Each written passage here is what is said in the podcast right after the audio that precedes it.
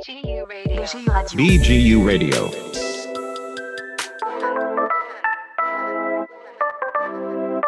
מבולבלים? הולכים לאיבוד בתוך כל המידע? ברוכים הבאים למבוא לאוניברסיטה, לשמוע, להבין, להחליט. אני אללה אריכה, ואני פה עם אה, פרופסור חיים וייס, ראש המחלקה לספרות עברית. שלום. אהלן, אה, איזה כיף שאתה פה איתנו. תודה. אני הייתי רוצה לשמוע קצת על המחלקה. מה בעצם זה אומר ללמוד ספרות באוניברסיטה? אה, תראי, זו מחלקה, קודם כל זו מחלקה מאוד גדולה. היא הגדולה בישראל, ולמעשה המחלקה לספרות עברית הגדולה בעולם. אה, מה זה אומר אה, ללמוד ספרות עברית? זה אומר שאנחנו, בעצם המטרה שלנו לקחת אנשים צעירים, אנשים שבאים אלינו, ולהפוך אותם לבני בית בתוך התרבות שלהם עצמם. להכיר את הספרות העברית החל מראשיתה, מהתנ"ך ועד ימינו, דרך תחנות מאוד מרכזיות שלה, דרך ספרות חז"ל, דרך שירת ימי הביניים, דרך הספרות העממית של ימי הביניים, וכמובן לתוך השדה אולי הבוער ביותר, שזה השדה של הספרות העברית שנוצרה כאן בארץ ובחוץ לארץ בעידן המודרני. ספרות שמעוררת המון עניין סביבה, נוצרת המון ספרות בישראל כיום, ואנחנו בעצם המרחב שבו לא רק קוראים ומגיבים מהר לספרות, אלא מתעמקים בה, חוקרים אותה, מנסים להבין אותה בהקשרים הרחבים שלה, מנסים להבין את המניעים ליצירתה. מי שאוהב ספרות, זה המקום בשבילו. מה כוללת התוכנית? מה מייחד בעצם את האוניברסיטה פה לעומת אה, מחלקות אחרות? אה, התוכנית כאן היא תוכנית היסטורית. זאת אומרת, המבנה של המחלקה הוא מבנה שמאמין שכדי להכיר את הספרות העברית צריך להכיר אותה בטווחים ארוכים מאוד שלה. החל פחות או יותר מראשיתה ועד ימינו כדי להבין את הסיפור של הספרות העברית. זה לא שאנחנו לוקחים יצירה, תולשים אותה מהקשרה ומתחילים לדון בה באופן נפרד, אלא התלמידים שלנו מקבלים הקשר מאוד רחב, תמונה מאוד מאוד רחבה על הספרות והתרבות העברית. זה מעניין, כי אני מאמינה שרוב מי שחושב, ש... רוב מי ששומע ספרות מדמיין כמו ספרות בתיכון, של כזה מקבלים כמה יצירות ולומדים אותם, אבל בעצם הסיפור הוא באמת אחר פה, זה כאילו הרבה יותר, מבט הרבה יותר רחב על הכל ו... נכון. עם הרבה יותר היסטוריה. תראי, קודם כל המורים לספרות, הם אה, חלקם הגדול בוגרים שלנו, זאת אומרת, אנחנו כאן זה בית היוצר. זה בית היוצר של ההוראה, אנחנו נדבר בטח עוד מעט על מה עושים עם ספרות בחוץ, אבל... ו... אני שומע הרבה מתלמידים לפעמים לא היה כיף ללמוד ספרות בתיכון, לא היה זה, הכריחו אותנו, כפו עלינו יצירות מוכנות מראש, אמרו לנו לקרוא את זה ולא את זה, בקושי קראנו. למרבה הצער, וזה באמת מאוד מאוד מצער, אה, מדעי הרוח בכלל והספרות בכלל, בפרט נדחקים החוצה, אל מחוץ לתיכונים. לנו יש כאן תוכנית שלמה להוראת ספרות לתיכון, לתלמידי תיכון שבאים לכאן פעם בשבוע ולומדים. זה כאילו לימודי המשך? זה, זה תלמידים בתיכונים שרוצים ללמוד, זה נקרא דרך רוח, ותלמידים בתיכון שרוצים ללמוד ספרות, היסטוריה או פילוסופיה ברמה מוגברת, באים לכאן כי הדברים הללו לצערנו נדחקו החוצה אל מחוץ לבתי הספר, ובמקום שלא נותנים כבוד לספרות, או מעניקים לה את המקום... כי יש ילדים שלא אוהבים מתמטיקה, צריך לומר את זה במפורש, לא אוהבים, אני הייתי גרוע מאוד במתמטיקה. הבוקר ראיתי את הבת שלי נאנקת לקראת מבחן אה, במתמטיקה, ויש אנשים שאוהבים ספרות, זה לא בושה, ואנחנו המקום שבו אנחנו אומרים להם פעם ראשונה, אין צריך להתבייש, פה כולם קוראים ספרים, לא צריך להחביא את זה, ואנחנו גם מאפשרים דיבור הרבה יותר רחב, הרבה יותר פתוח על הספרות, אנחנו לא מגבילים את זה לשתי יצירות וחצי, אלא באמת יש פה מרחב עצום של ספרות שנפרס פתאום, ואז תלמידים מגלים את כל העושר הזה, גם כשהם פוגשים ספרות שהם לא הכירו, כמו ספרות חז"ל שאני מלמד, פתאום אומרים וואו לא ידענו שזה נראה ככה, כי לאנשים יש כל מיני דימויים על איך נראית ספרות ומה יש בספרות, פתאום הם מגלים אותה באמת ואת רואה את האור נדלק בעיניים וזה דבר אה, משמח מאוד. אה, הייתי רוצה לשאול אותך, הרבה אנשים ישאלו מה אפשר לעשות עם זה, וזו שאלה חשובה ואנחנו נגיע אליה. ועוד לפני זה אני רוצה לשאול, מה הערך לדעתך אז בללמוד משהו שהוא לא מקצוע? אני אענה לך תשובה עקרונית. אנשים מגיעים לכאן בגיל 20, 21, 22, שנות ה-20 המוקדמות שלהם. יש להם עד גיל 70 לעבוד. לא חייבים לעבוד מההתחלה. זאת אומרת, אם בן אדם, מישהו, מישהי, אוהבים ספרות, זו סיבה מספיק טובה ללמוד את זה. יש איזו תשוקה לא מובנת לרוץ אחר מקצוע ישר בגיל צעיר, כאילו מה יקרה? אפשר לעבוד עוד קצת במלצרות, אני לא יודע מה, ולספק את החוויה, ועוד מעט אני אגיד באמת אפשר לעשות עם זה, אבל כשאנחנו חיים בחברה שלא נותנת לגיטימציה לתשוקות שלנו, יש אנשים שיש להם תשוקה לספרות, הם ממש אוהבים את זה. ומגיע לנו, יש לנו זכות לעשות את מה שאנחנו אוהבים. אפשר אחר כך גם להסתדר עם זה, הנה אני יושב פה איתך, אני מתפרנס מספרות, ואני עושה את מה שאני אוהב, והמהירות שבה אנחנו שוללים את מה שאנחנו אוהבים, כי זה לא, כי אולי לא זה וזה, ואז אנחנו הולכים ללמוד משהו אחר שאנחנו אולי פחות אוהבים אותו, היא, היא, היא בעייתית בעיניי. אז מה, אז תלמד עוד שלוש שנים תואר ראשון בספרות, תרחיב אופקים. אנחנו גם לא יודעים איזה אופציות נפתחות, העולם מלא הפתעות, ואנחנו לא יודעים איזה אופציות נפתחות.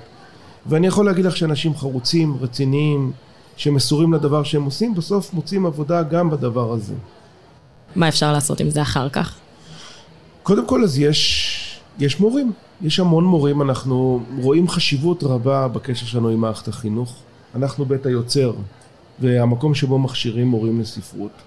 ומורים חזקים לספרות, אומר שתהיה נוכחות חזקה לספרות בבתי הספר. זה אומר שבקרב הזה על מדעי הרוח אנחנו לא מוותרים, ואני חושב שזה קרב מאוד חשוב. כי אני אגיד בצורה די ברורה, זה קצת פומפוזי אולי, אבל חברה שאין לה מדעי הרוח היא חברה חולה. זאת אומרת, חברה שמתעסקת רק בכסף, בפרנסה, בדברים הללו, ולא מוכנה להגדיר לעצמה שעיסוק בשאלות יסוד של מיהו האדם, מהו האדם, מה מעניין אותו, מה מעסיק אותו, מהם פחדיו, חרדותיו, איך הוא מבטא את עצמו. חברה שרואה בזה, לא רואה בזה חשוב, חשיבות, או לא מייחסת לזה חשיבות, היא חברה שהיא מצויה בבעיה והיא תשלם על זה מחירים. והמחירים יהיו גבוהים, הרבה יותר ממה שחושבים.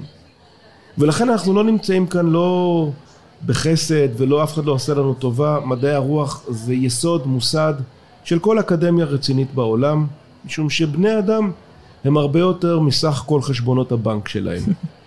הם אה, הרבה, הם דבר, זה דבר מורכב, והספרות מסתכלת על הדבר המורכב הזה ומתעניינת. אז יש לנו מורים, ואנחנו מכשירים הרבה מאוד מורים, אנחנו מכשירים אנשים לתעשיית הספרות הישראלית. בישראל יוצאים עשרה כותרים ביום, של כל מיני דברים, מספרי בישול, ספרי עצות ועד רומנים וספרי שירה ויוצאים המון כותרים וזו תעשייה שעובדים בה הרבה מאוד אנשים עורכים, עורכים לשוניים, עורכי תוכן, מעצבים, לקטורים ואנחנו, יש לנו, אנחנו חלק גדול מהתעשייה הזאתי ורבים מאוד מהבוגרים שלנו יש, הם אה, נמצאים בתוכם. אה, יש לנו אנשים גם שעובדים בתעשיית השיווק, הפרסום, כתיבת תוכן, כל מיני מקומות שצריך אנשים שיודעים לכתוב, שיודעים לקרוא, ויודעים לחבר משפטים, ויודעים, ויש להם עושר תרבותי ועושר תוכני. וגם אני אגיד את זה, אומרים את זה כל פעם, אבל זה נכון, משום שאנחנו, אני יכול לתת את רשימת הבוגרים שלנו. יש תעשיות שלמות שמחפשות אנשים עם אה, מוח יצירתי. ובוגרים שלנו משתלבים בתעשיית ההייטק בכל מיני מקומות. זאת אומרת, אנחנו מעניקים איזושהי התנסות אה, ברפלקסיה עצמית, בהתבוננות פנימה, בקריאה, ב, ב, בהרחבת אופקים ויש לדבר הזה ביקוש בכל מיני מובנים. זה כיף לשמוע. נראה לי שווה לדבר גם על הסדנאות שיש בתוכנית לימודים. נכון. לתוכנית הלימודים שלנו יש אה, פן יצירתי, מה שאנחנו קוראים. זאת אומרת, בצד לימודי הספרות הרשמיים, יש לנו תוכנית לכתיבה. אה, גם המחקר הוא דבר יצירתי, שלא תטעו, אבל יש לנו תוכנית כתיבה מצוינת, גדולה מאוד, היא מכוונת ברובה לתלמידי תואר שני, זאת אומרת בתואר שני יש לנו מסלול שלם של אנשים שרוצים להתנסות בכתיבה.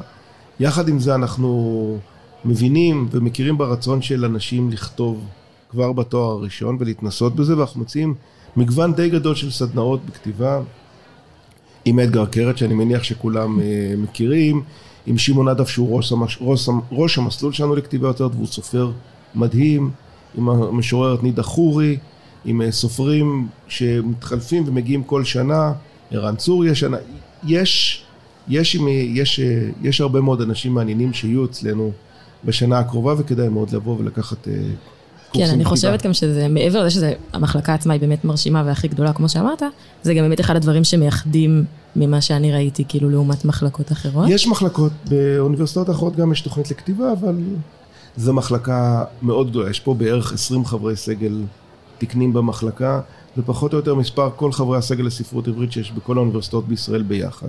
אה, ואני אגיד עוד משהו, מקטרים הרבה על מדעי הרוח והמשבר במדעי הרוח, לנו יש תלמידים, ואנשים באים ללמוד אצלנו, אנחנו מתחילים את הלימודים לתואר ראשון בערך 50-60 תלמידים כל שנה. לא בגלל שאנחנו מקטרים ולא בגלל שאנחנו מתלוננים, פשוט אנחנו מקום טוב ללמוד בו ואנשים אוהבים להגיע למקום שכיף להיות בו וברור שאני משוויץ במחלקה שאני עומד בראשה, אבל היא מחלקה פשוט נורא כיפית. אה, בא לי לקחת אותך כמה שנים אחורה, אוקיי. ולשאול מה הוביל אותך ללמוד ספרות. תראי, אני, אני לא הייתי מוכשר במלא דברים. לא מתמטיקה, לא פיזיקה, לא ביולוגיה, לא כימיה, אני לא יודע, כל מיני דברים כאלה. יש לי גם בגרות נוראה, אבל uh, אני אהבתי לקרוא ספרים מאז שאני ילד. זאת אומרת, זה מה שאני עושה. אני, אני ילד שקורא ספרים, עכשיו אני מקבל משכורת על להיות ילד שקורא ספרים, אבל uh, סיפור טוב, אין, אין מה לעשות. אני, מאז שאני ילד קטן, אני פשוט אוהב ספרים. אני קורא אותם, ובאיזשהו שלב אה, היה ברור לי. זה, זה בכלל לא הייתה שאלה. מ, מגיל צעיר מאוד נמשכתי למקום הזה, והיה ברור שלימודי ספרות זה הדבר שאני ארצה לעשות אותו. אני לא ידעתי שזה יימשך כל כך הרבה זמן. רציתי להיות מורה בבית ספר, אני עדיין רוצה להיות מורה בבית ספר, אבל אה, ספרות זה פשוט, זה העולם שלי, אני, זה מאוד פשוט במקרה שלי, אני חושב. ואיך זכורה לך חוויית התואר הראשון? יש איזה טיפים שבא לך לתת למי שמסתובב פה ושומע? כן, קודם כל תהנו. תהנו זה, מי שבא ללמוד ספרות, שיהנה מזה. אני אומר את זה גם לתלמידים, חשוב להצליח, חשוב לקבל ציונים טובים, חשוב ללמוד, והלימודים לא קלים, אני כבר אומר, אני... את יודעת, אז, אז הלימודים הם לא קלים ולא פשוטים, אנחנו דורשים מהתלמידים לא מעט, זה דורש הרבה קריאה והרבה התמסרות, אה, אבל זה מדעי הרוח. אז אם מבקשים ממך או ממך לקרוא רומן, לפחות תהנו מזה. שבו ותקראו, תקראו יותר ממה שמבקשים מכם. אה, תהיו נועזים, אל, ת, אל ת, תקפידו על הכללים, בבקשה. אה, לפעמים תכתבו מה שאומרים לכם לא לכתוב. אה, תשאלו שאלות, תמיד תשאלו שאלות. אה, גם אם נראות לכם טיפשיות, לפעמים יש שאלות טיפשיות, אבל עדיף לשאול מדי פעם שאלה טיפשית, ולצידה הרבה שאלות חכמות. אל תתביישו, אה, תיכנסו למרצים שלכם לחדרים ותשאלו אותם, תתייעצו. ככל שתהיו סקרנים יותר, אנחנו נרצה לעזור יותר, ופשוט תסתכלו מסביב, תלכו לספרייה. אני, העצה הכי טובה שיש לי זה תלכו לספרייה. כי על כל ספר שנותנים לכם לקרוא יש לו בני דודים, וחברים, ושונאים, ויריבים, והם כולם מסודרים על המדף. אז לכו לספרייה, כי עם כל המחשבים וזה עדיין לא המציאו שום תחליף למבנה הנפלא הזה שיש לידינו. אכן נפלא. איזה כיף שהיית איתנו פה. תודה לפרופסור חיים וייס. ותודה לכם. איזה כיף. תודה רבה. ביי.